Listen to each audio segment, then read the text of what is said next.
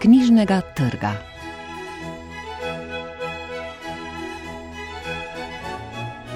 Dober dan. Kratke zgodbe Aleša Štegra v knjigi Bogovi se nam smejijo. Pesniška zbirka Sonje Koranter Orfejeve soze, roman Lejle Slimani, Dežela drugih in zbornik slovenski biografski almanah 19. stoletja v uredništvu Mateje Ratej, vse to nas čaka voda iz knjižnega trga. Recenzije so napisali Tonja Jelen, Andrej Lutman, Miša Gams in Isto Kilih. Antični, krščanski in tudi drugi miti so v literaturi in slikarstvu že od renesanse nenehen vir navdiha, svojo arhetipskostjo pa primeren brezčasen simbol.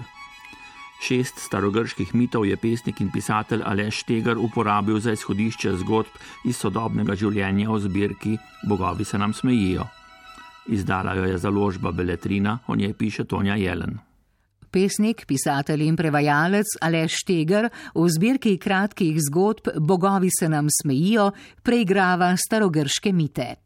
Tezo, da so miti večni in se nenehno ponavljajo in pojavljajo, potrjuje z raznolikimi liki iz vsakdanjih življenj. Takega postmodernističnega postopka se ni lotil prvič, saj je v delu Kurent obravnaval tudi slovensko slovstvo. Že naslov nove zbirke zgovorno priča o tem, kako se take in drugačne usode samo ponavljajo v različnih preoblekah.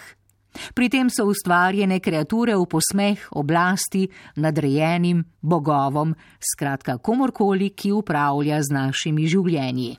Štegar je šest kratkih zgodb razdeljenih na posamične dele, problemsko razdelil predvsem z psihološkega vidika. Zgodbe je glede na problematiko poimenoval po starogrških bogovih in boginjah, jih povezal z njihovimi življenji in jih aktualiziral. Zgodbe se imenujejo Evropa, Prometej, Narcis, Orfej, Meduza in Ikar. Nobeni izmed naštetih ne manjka subtilnosti, preslikavanja in preoblikovanja posamičnega mita v današnje okoliščine ter različnih kompleksnih vprašanj. Ob tem se poraja vprašanje, zakaj so likinje še vedno prehitro prikazane kot vzvodi za negativizem in pogubo.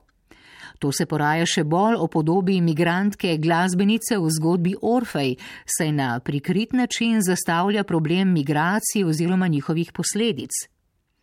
Tudi pot v pogubo v zgodbi Meduza povzroči ženska. V obeh primerjih pa gre v osnovi za zaljubljenost, če ne kar za obsedenost in pretirano lastninjenje in vlogo patriarhata.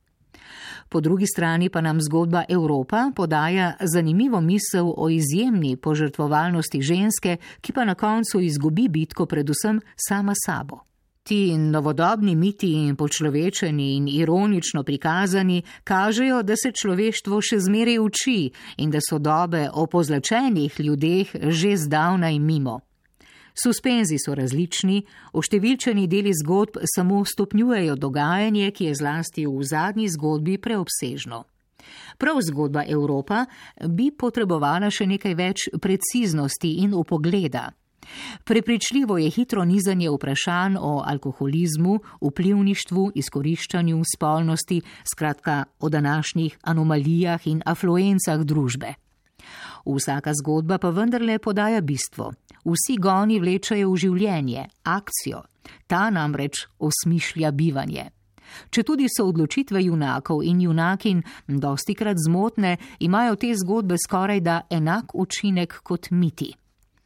Najbolj opazna zgodba o narcisu ni nič drugega kot plot samovšečne družbe. Narcistična motnja je resna bolezen, ki jo družbena omrežja ne le ustvarjajo, ampak jo resno spodbujajo. Pot v pogubo pa ni dolga.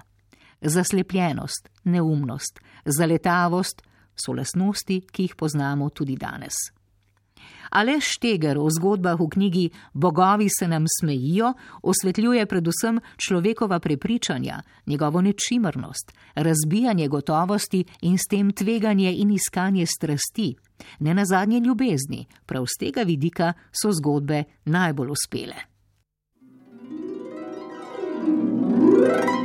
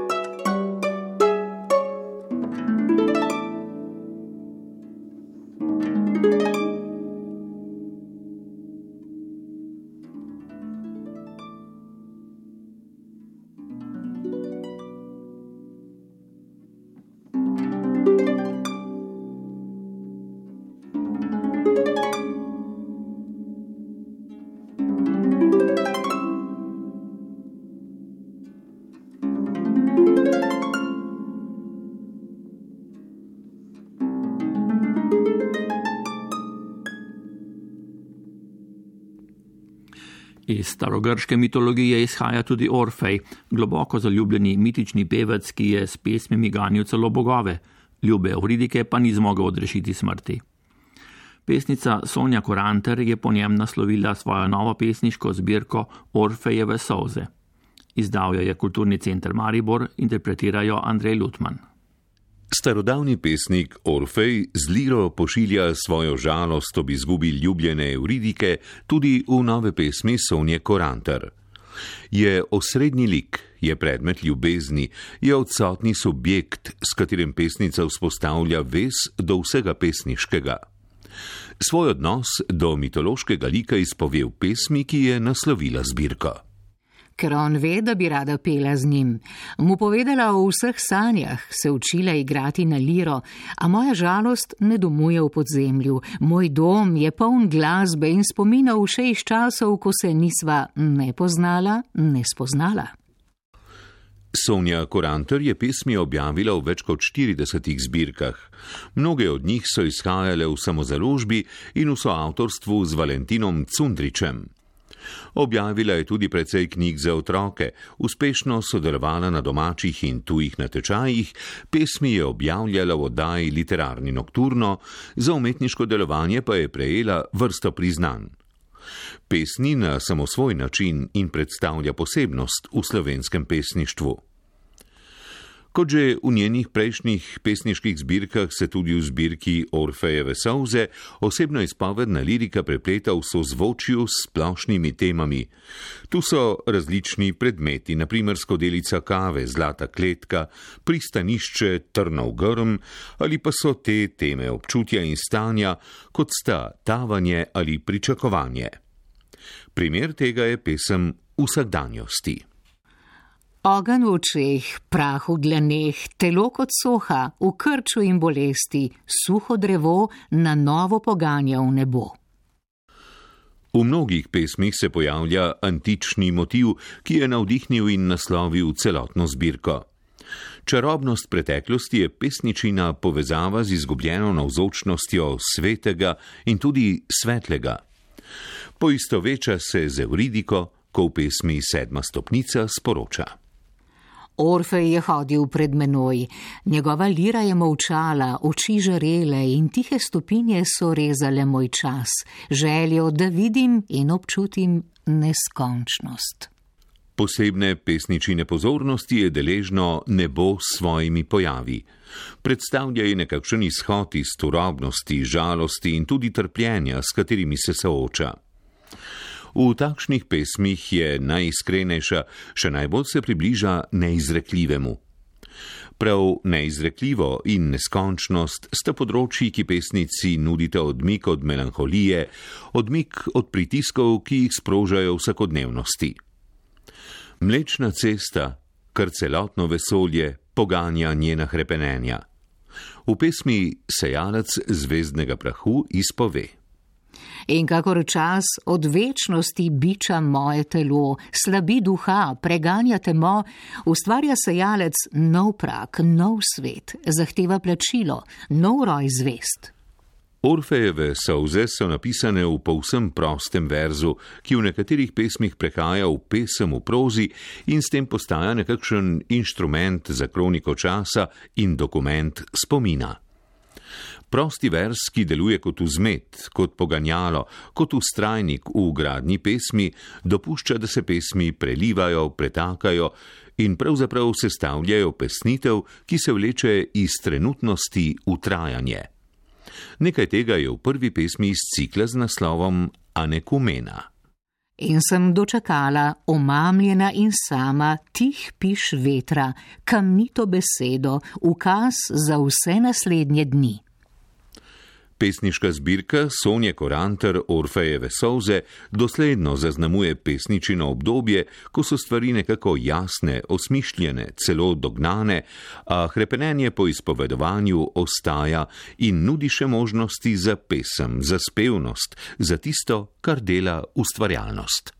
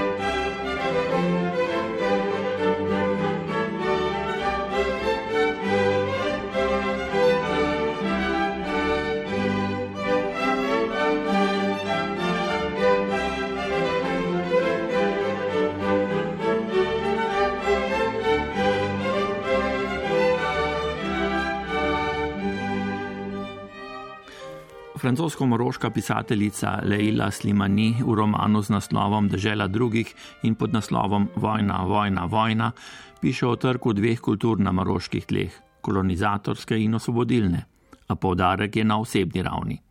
Roman je prevedla Saša Jerele, izdala ga je založba Mladinska knjiga, o njem piše Miša Gams. Francoska pisateljica maroških korenin Leila Slimani, ki je leta 2016 za svoj drugi roman z naslovom Uspavanka prejela Gonkurjevo nagrado, je v svetu znana tudi kot novinarka in osebna predstavnica francoskega predsednika Emanuela Macrona pri organizaciji International de la Francophonie. Roman Dežela drugih je prvi del družbeno-zgodovinske trilogije o ljubezni med Matildo in Aminom, francozinjo in nekdanjim maroškim vojakom v francoski vojski. Zgodba o Alzačanki in Maročanu, ki se pred koncem druge svetovne vojne spoznata na francoskih tleh in se preselita na maroško podeželje, spominja na življensko zgodbo pisateljičine babice Ane Dob, ki je po vojni sledila maroškemu soprogu v Meknes, kjer sta osnovala družino.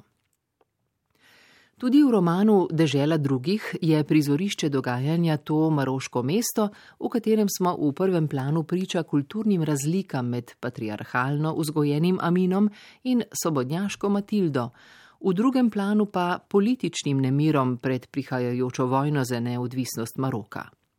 Medtem ko se Amin premišljeno loti kmetovanja in se poskuša čim dlje časa držati stran od vsakdanjih konfliktov med kolonizatorji in domačini, je Matilda zaposlena z gospodinstvom in vzgojo dveh otrok. Leila Slimani se tako v knjigi osredotoča na trg dveh kultur, obremenjenih s kolonialistično preteklostjo in posledicami dveh svetovnih vojn, za nameček pa se v odnos obeh protagonistov nenehno umešavata tudi primarni družini. Glavna junakinja Matilda se tako iz dneva v dan trudi manevrirati med družinskimi opravili, občasno njego bolnikov in težnjo po osebni svobodi, zato maroški boj za osvoboditev izpod francoske oblasti podoživlja na lastni koži, saj se sprašuje, zakaj je po 40 letih protektorata težko razumeti, da maročani zahtevajo svobodo, za katero so se bojevali, svobodo, ki smo jim jo mi približali jih poučevali o njeni vrednosti. Pa saj smo vendar vsi v zaporu, vendar živimo v kolonizirani državi, ne moremo govoriti o svobodi. Ko ji umre, oče začne na življenje gledati iz širše perspektive. Nan gleda kot na večno tratenje moči, ki človeka le v nedogled izčrpava, namesto da bi mu dalo nek zagon ali višji smisel. Kot francoska državljanka je pa vsem odvisna od odnosov z domačini in priseljenci, pri čemer se lahko zanese edino na mačarskega ginekologa in njegovo ženo, ki ji dajeta praktične nasvete. Ko v nekem obdobju postane žrtev družinskega nasilja, le z veliko potrpljenja in truda ostane ob soprogu, ki večino časa namenja delu na kmetiji. Iz dneva v dan se spopada s težavami, ki jih prinaša suša. Preglavice pa mu povzroča tudi brat, ki se pridruži borcem za neodvisnost Maroka in večino časa preživi v skrivališčih. Ker se Matilda in Amin ne želita postaviti ne na stran aktivistov za neodvisnost Maroka, ne na stran francoskih kolonialističnih prisklednikov, ju marsikateri sovaščan obravnava kot državna sovražnika. Amin v nekem trenutku žalostno ugotovi, da je to vrstno stanje hujše od same vojne, kajti sovražniki ali s tistimi, ki naj bi bili naši sovražniki, že dolgo sobivamo. Nekateri so naši prijatelji, naši sosedje, naša družina, odraščali so z nami in kadar jih gledam, ne vidim sovražnika, ki naj bi ga užugal, vidim otroka. Leila Slimani ima s političnim preganjanjem kar nekaj izkušenj, saj je bila med poročanjem o arabski pomladi v Tuniziji aretirana in je nekaj mesecev preživela v ječi. Prvi del trilogije se tankočutno posveča položaju žensk v precej konzervativni maroški družbi, kjer je preživetje posameznika odvisno od družinske in politične pripadnosti. Slimanijeva tako prek biografije starih staršev slika družbeno-zgodovinsko ozadje dogajanja sredi 20. stoletja, kar ji služi kot podlaga za drugi in tretji del trilogije, ki bo bravca vodila prek obdobja avtoritarne vladavine Hasana II. do 21. stoletja. Roman Dežela drugih je tako iz literarnega kot iz zgodovinsko-antropološkega vidika dinamično in poučno delo saj nam nudi pogled v delovanje maroške tradicionalne družbe in prelomnega časa, v katerem se je prav na plečih močnih žensk rojeval boj za neodvisnost države.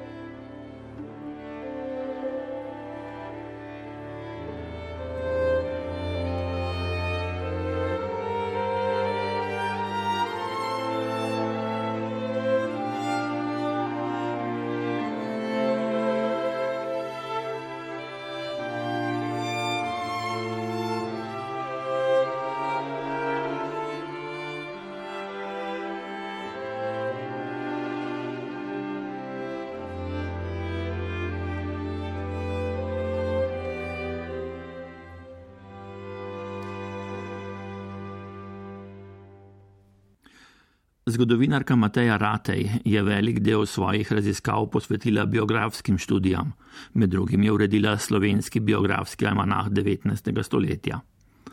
Portreti v njem obravnavajo posameznike in družine z različnih področji javnega življenja, politike in umetnosti, duhovništva, šolstva, prava in drugih. Almanah je izdala založba ZRC, predstavlja ga isto kilih.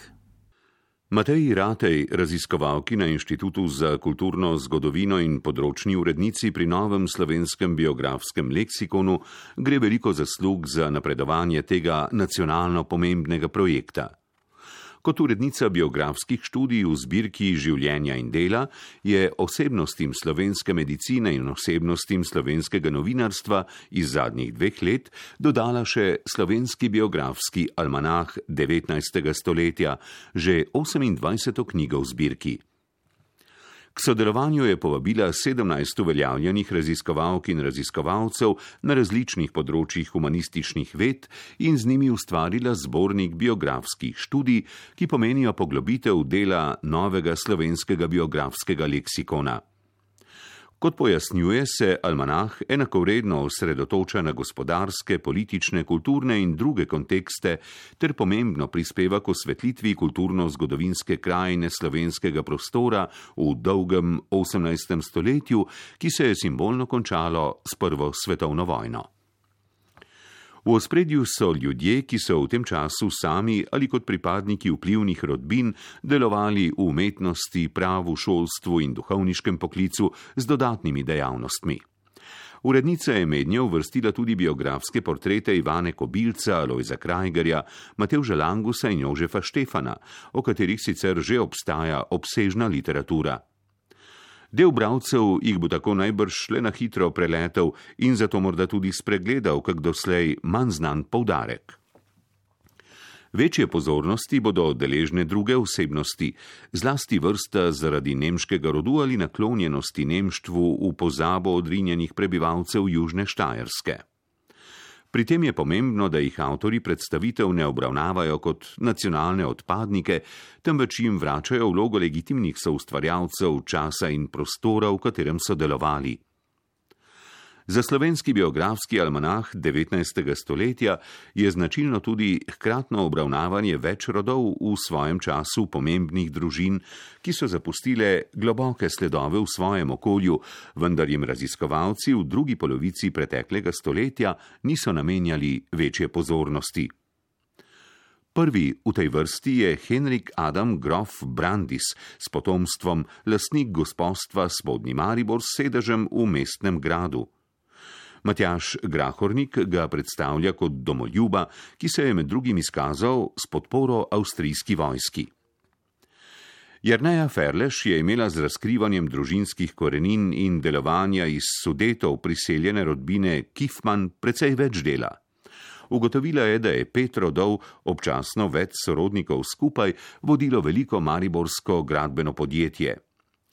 Po drugi vojni so bili nacizmu naklonjeni kifmani razlaščeni in obsojeni, a jih ob izreku kazni že ni bilo več v Mariboru. Tri rodove tretje rodbine sta povezovala priimka Kremenšek Borštnik. Preučevanju korespondence predvsem ženskih sorodnic se je posvetila Katja Milhurko Poniš. Najbolj so jo zanimali odnosi med sestrami, ki jih je dopisovanje povezovalo v socialno mrežo, obenem pa preraslo v pričevanje o družbenem položaju žensk na slovenskem v drugi polovici 19. in prvi polovici 20. stoletja. Širši krok ljudi povezuje tudi zgodba uspešnega slikarja in fotografa Alojza Kazimira Sptuja predstavlja ga Marjeta Ciglenečki, značilnega pripadnika štajerskega meščanstva, ki se je v času nacionalnih trend deklariralo za Nemce. Bil je tudi začetnik razvejane umetniške rodbine Kazimir Eltjen. Med politiki, ki so se v drugi polovici 19. stoletja opredelili za slovensko stran, sta bila pomembna pravnika Ferdinand Dominkuš in Milan Jaklič. Prvega predstavlja Aleksandra Gačič. Čeprav je le slabo govoril slovensko, je ustanovil slovensko matico ter bil zaslužen za nastanek slovenske čitalnice in časnika Slovenski narod v Mariboru. Jakličev portret pa je izrisal Juri Perovšek. Predstavlja ga kot prvega prevajalca komunističnega manifesta in urednika vrste socialno-demokratskih glasil ter med drugo vojno sodelavcev Svobodilne fronte.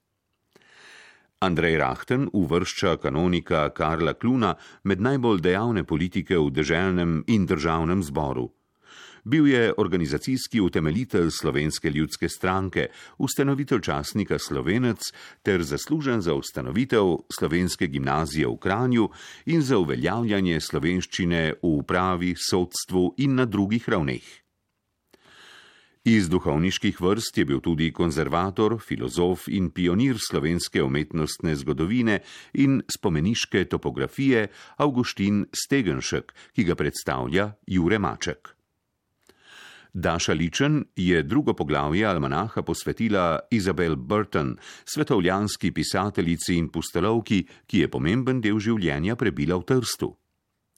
Še štirje portreti zanimivih na različnih področjih uspešnih žensk so uvrščeni v zadnji del knjige.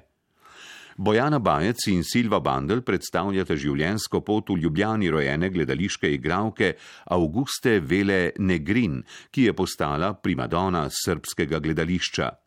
Vlasta Stavbar pa odkriva učiteljico Antonijo Štupca, narodnostno, kulturno in socialno aktivistko na Štajerskem. Učiteljica je bila tudi Marija Vesner. Vesna Lesko še o njej piše, da je dekletom in ženam z ustanovitvijo ženskega vzgojnega in podpornega društva Mladika pomagala pridobiti izobrazbo za poklic in vključitev v plačano delo.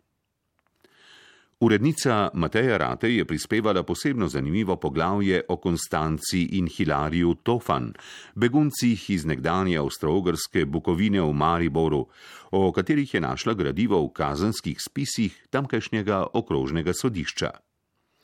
Leta 1929 sta se znašla na sodišču, on, profesor zgodovine zaradi posilstva sluškinje, ona, izobražena gospodinja, pa zaradi mazaštva, odgovorna za smrt druge sluškinje.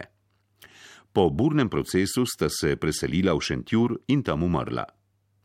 Avtorica je njun primer osvetlila kot tragično zgodbo, ki bi lahko doletela katerega koli preobčutljivega izobraženega begunca, zaznamovanega z vojno in nasilno iztrganega iz domačega okolja.